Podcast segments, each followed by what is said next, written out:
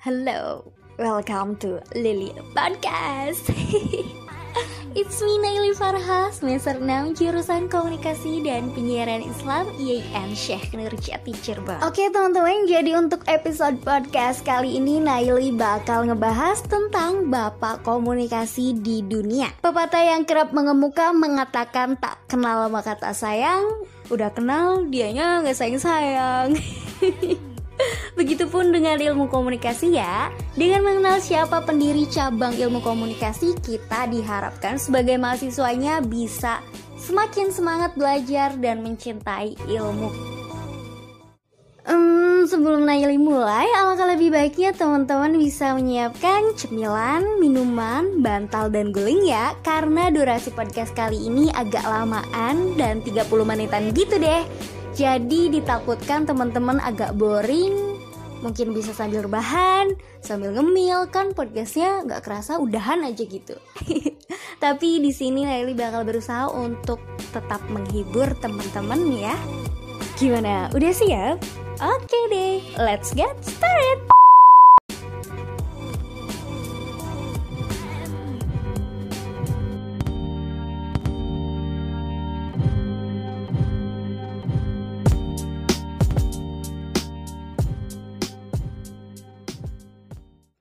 John B. Watson, sang tokoh behaviorism. John B. Watson lahir pada tanggal 9 Januari 1878 di Greenville lalu wafat di New York pada tanggal 25 September 1958. Bapak Watson ini merupakan anak keempat dari enam bersaudara dari pasangan Ken Watson dan Emma. Malas, nakal, dan suka berkelahi telah melekat pada diri Watson sejak kecil.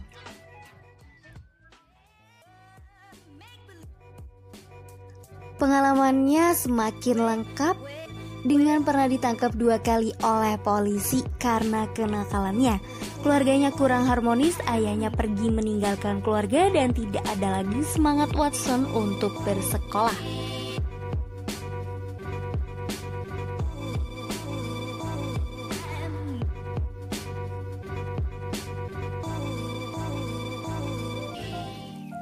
Seringkali dia berkelahi dan membuat masalah dengan gurunya, bahkan dengan ibunya. Sebutan teroris anak pun menjadi panggilan Watson di antara para gurunya. Seringkali mendapat hukuman ditahan polisi membuat Watson berubah sedikit demi sedikit. Watson mulai tekun belajar dan akhirnya bisa menjadi mahasiswa di Universitas Furman. Pertama kali Watson dikenal dengan psikologi adalah pada mata kuliah introspeksi, filsafat lalu behaviorism.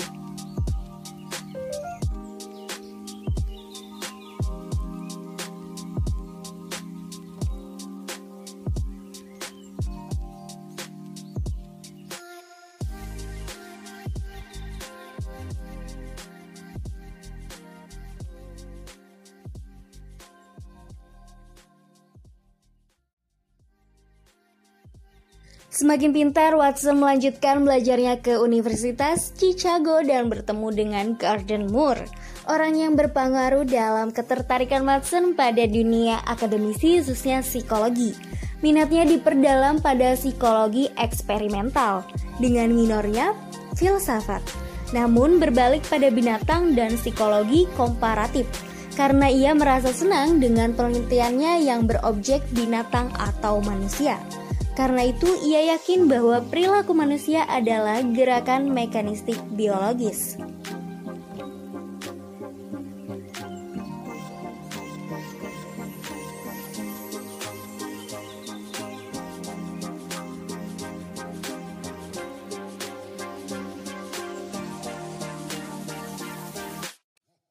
Hingga umur 21, Bapak Watson berhasil mendapatkan gelar MA dan terhenti karena harus merawat ibunya yang sedang sakit keras. Sehingga ia menjadi guru privat dan menjadi kepala sekolah di Institut Batesburg.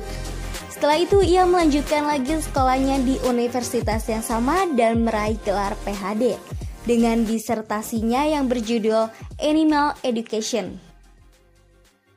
Sementara mengajar psikologi di Universitas John Hopkins dan bertindak sebagai ketua departemen, Watson mendirikan laboratorium sendiri dengan berbagai eksperimen psikologi ke arah perilaku hewan. Dan pada tahun 1913 ia menerbitkan artikel pertama kalinya dan terkenal sebagai Psikologi as Behaviorist View It dalam psikologi review di mana ia menjelaskan keyakinannya bahwa psikologi adalah ilmu tentang perilaku manusia, namun sangat mirip dengan perilaku hewan.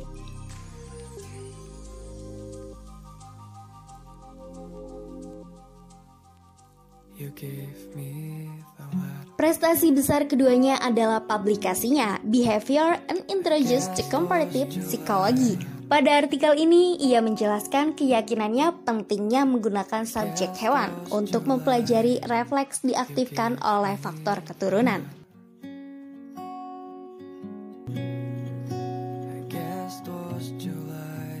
Selain tulisan yang paling berpengaruh, ia juga menerbitkan lebih dari 35 makalah, buku, dan laporan. Kemudian pada tahun 1915, ia terpilih sebagai presiden dari Amerika Psychology Association dan dia juga mengedit sebagai jurnal profesional di tahun 1920-an.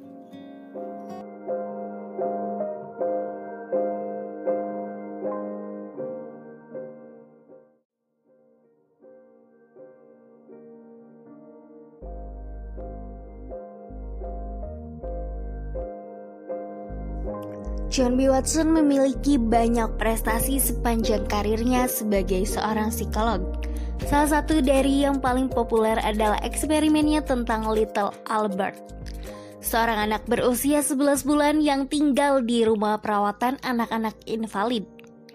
Karena ibu dari si anak bekerja di situ, Albert mempunyai tikus putih sekarang takut ingin diciptakan ketika Albert menyentuh tikus itu, lempengan baja dipukul keras tepat di belakang kepalanya.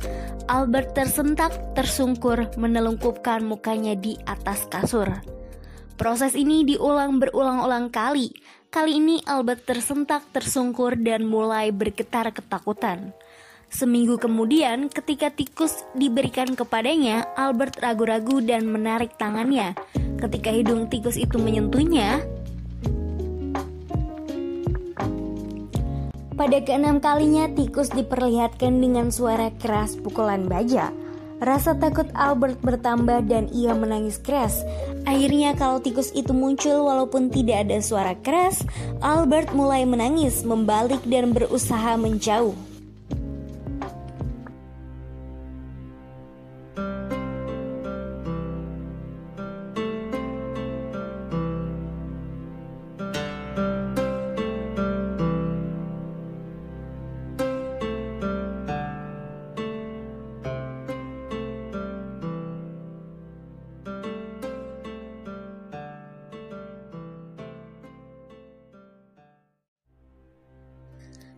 Setelah pindah ke New York pada tahun 1921, ia mendapatkan minat dalam iklan dan menjadi wakil presiden G. Walter Thompson Biro Iklan. Pada tahun 1925, ia menerbitkan Behaviorism. Dan kemudian pada tahun 1928, ia menerbitkan Perawatan Psikologi Bayi dan Anak. Selain itu, ia menerbitkan revisi behaviorism pada tahun 1930.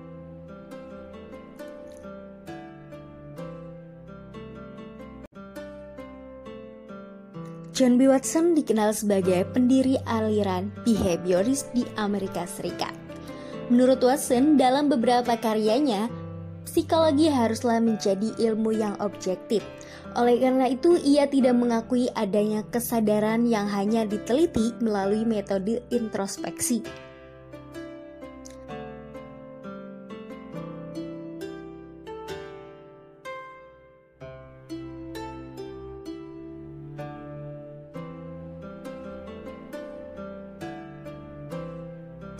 Watson juga berpendapat bahwa psikologi harus dipelajari teori dan konsep behaviorism dari Watson.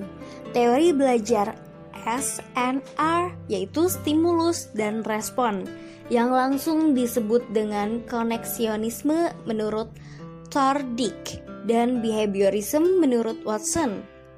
Namun dalam perkembangan besarnya, koneksionis juga dikenal dengan psikologi behavioristik.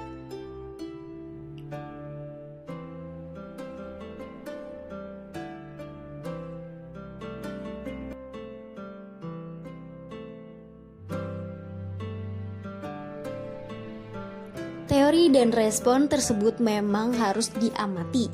Meskipun perubahannya yang tidak dapat diamati seperti perubahan mental, namun menurutnya tidak menjelaskan apakah proses belajar tersebut sudah terjadi.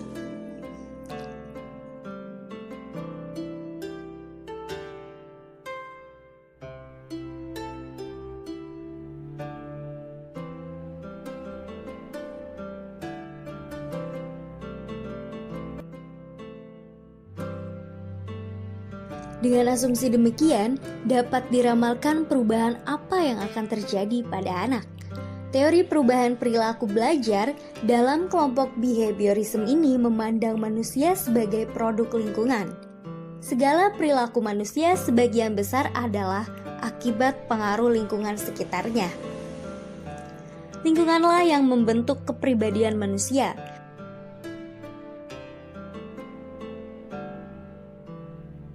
Behaviorism ini tidak bermaksud mempermasalahkan norma-norma pada manusia. Apakah seorang manusia tergolong baik, tidak baik, emosional, rasional, ataupun irasional? Di sini hanya dibicarakan bahwa perilaku manusia itu sebagai akibat berinteraksi dengan lingkungan, dan pola interaksi tersebut harus bisa diamati dari luar.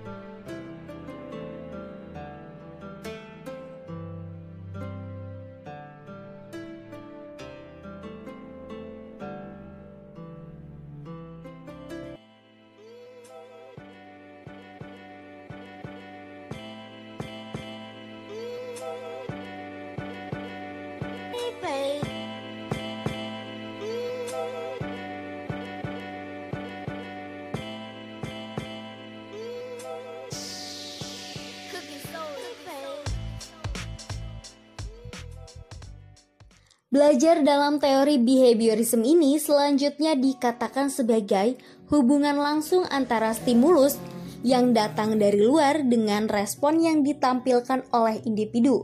Respon tertentu akan muncul dari individu. Jika diberi stimulus dari luar, S singkatan dari stimulus dan R singkatan dari respon.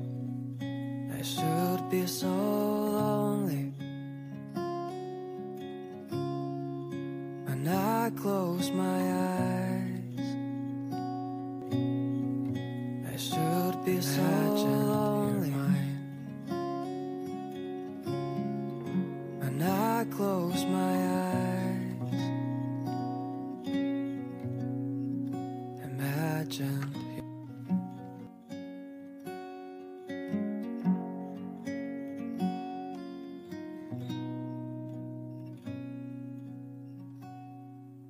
Sometimes I feel tired of my heavy thoughts. It's like start a fire.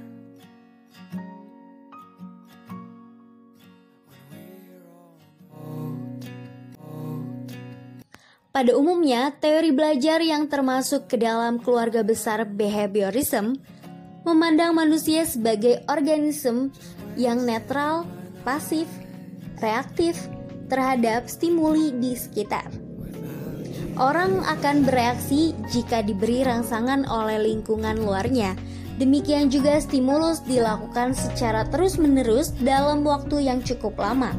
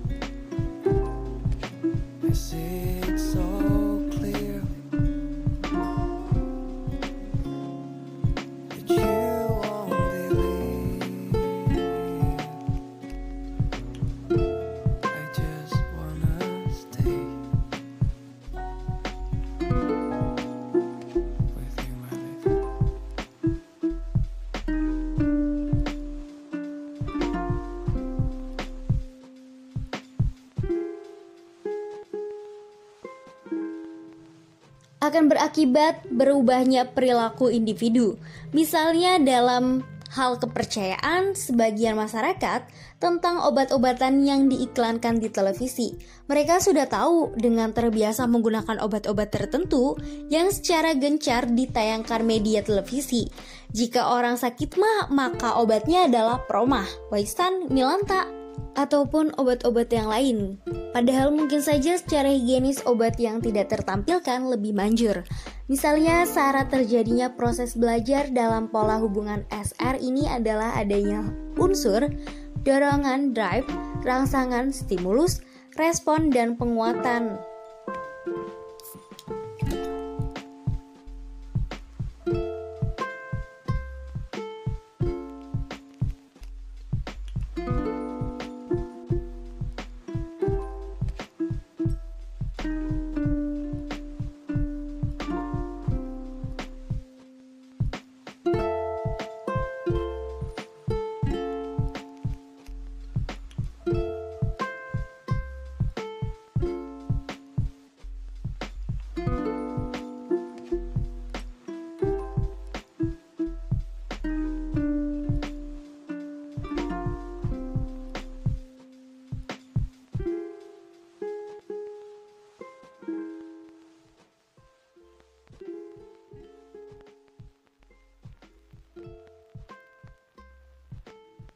Unsur yang pertama, dorongan, adalah suatu keinginan dalam diri seseorang untuk memenuhi kebutuhan yang sering dirasakannya. Seorang anak merasakan adanya kebutuhan akan tersedianya jumlah uang untuk membeli buku bacaan tertentu. Maka ia terdorong untuk membelinya dengan cara meminta uang kepada ibu dan bapak. Unsur dorongan ini ada pada setiap orang meskipun kadarnya tidak sama. Ada yang kuat menggebu, ada yang lemah, tidak terlalu peduli akan terpenuhi atau tidaknya.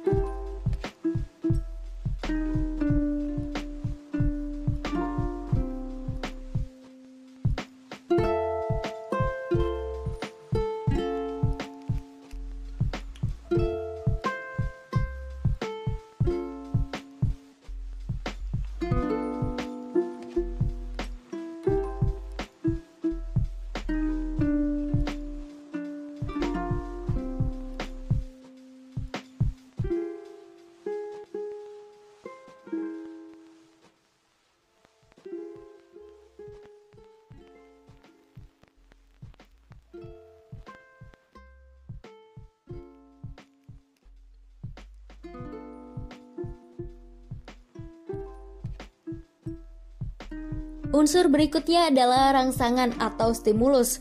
Unsur ini datang dari luar individu,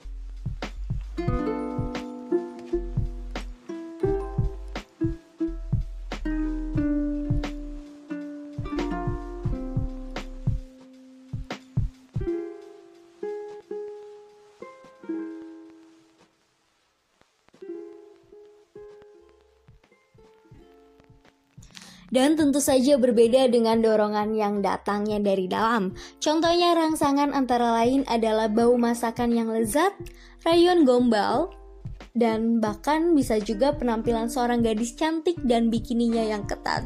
Oh,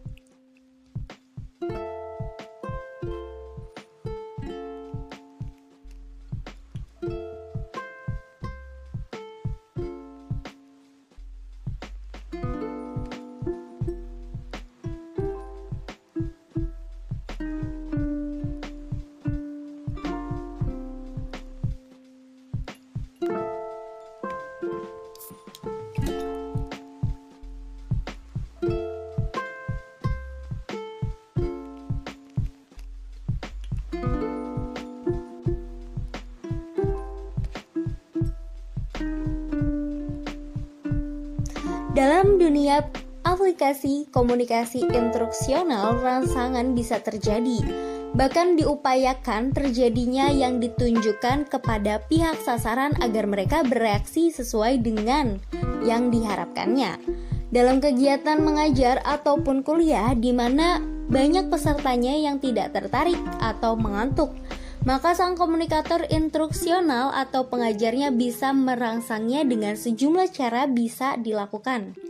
Misalnya dengan bertanya tentang masalah-masalah tertentu yang sedang trendy, atau bisa juga dengan mengadakan sedikit humor segar atau apa pun itu untuk membangkitkan kesiagaan peserta dalam belajar.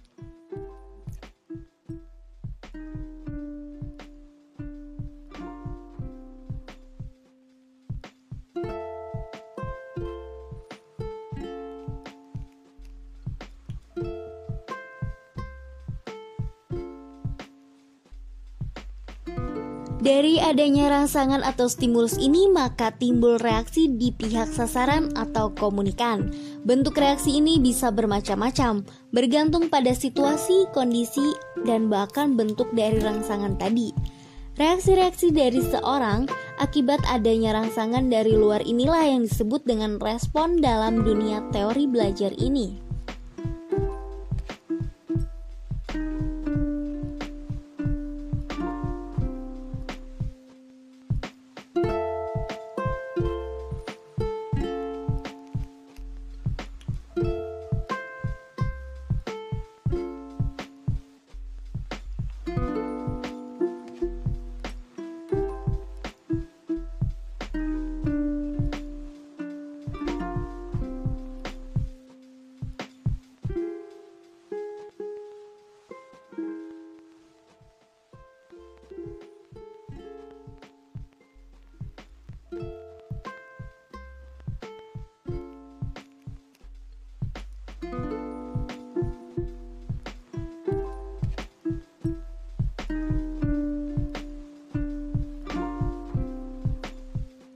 Unsur yang keempat adalah masalah penguat.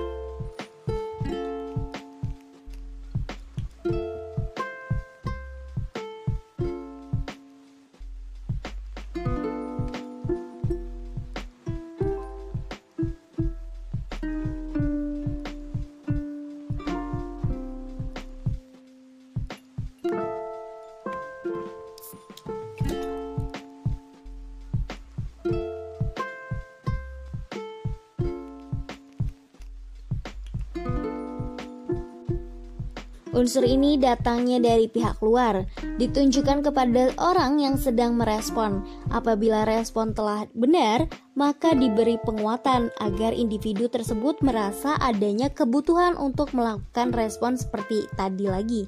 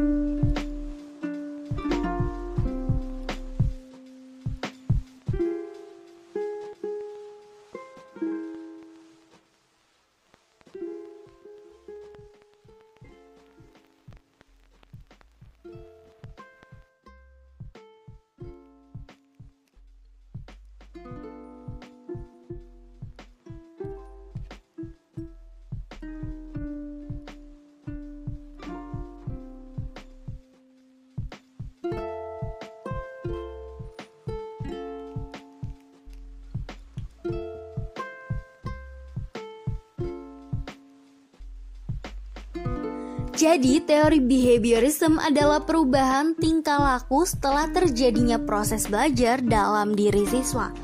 Teori belajar behavioristik mengandung banyak variasi dalam sudut pandang. Pelopor-pelopor pendekatan behavioristik pada dasarnya berpegang pada keyakinan bahwa banyak perilaku manusia merupakan hasil suatu proses belajar dan karena itu dapat diubah dengan belajar yang baru.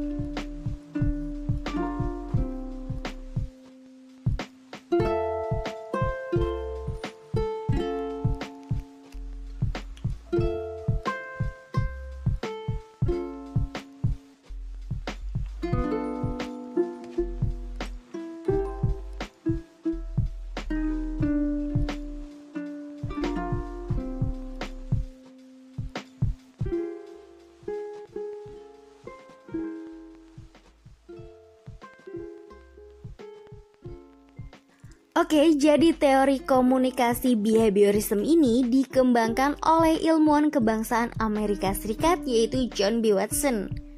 Cukup terkenal di kalangan akademisi, teori yang dicetuskan oleh John B. Watson ini mencakup semua perilaku termasuk respon tindakan balasan terhadap suatu stimulus atau rangsangan. Artinya bahwa adanya kaitan antara stimulus dengan respon pada perilaku stimulus mohon maaf, pada perilaku manusia. Jika seorang menerima stimulus, maka dapat diprediksi bentuk respon dari orang tersebut.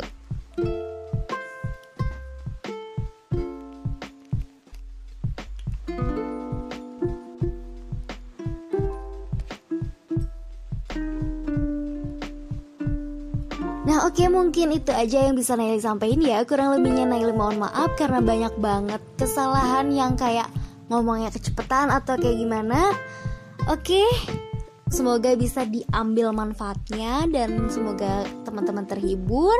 And thank you so much buat semuanya yang udah dengerin.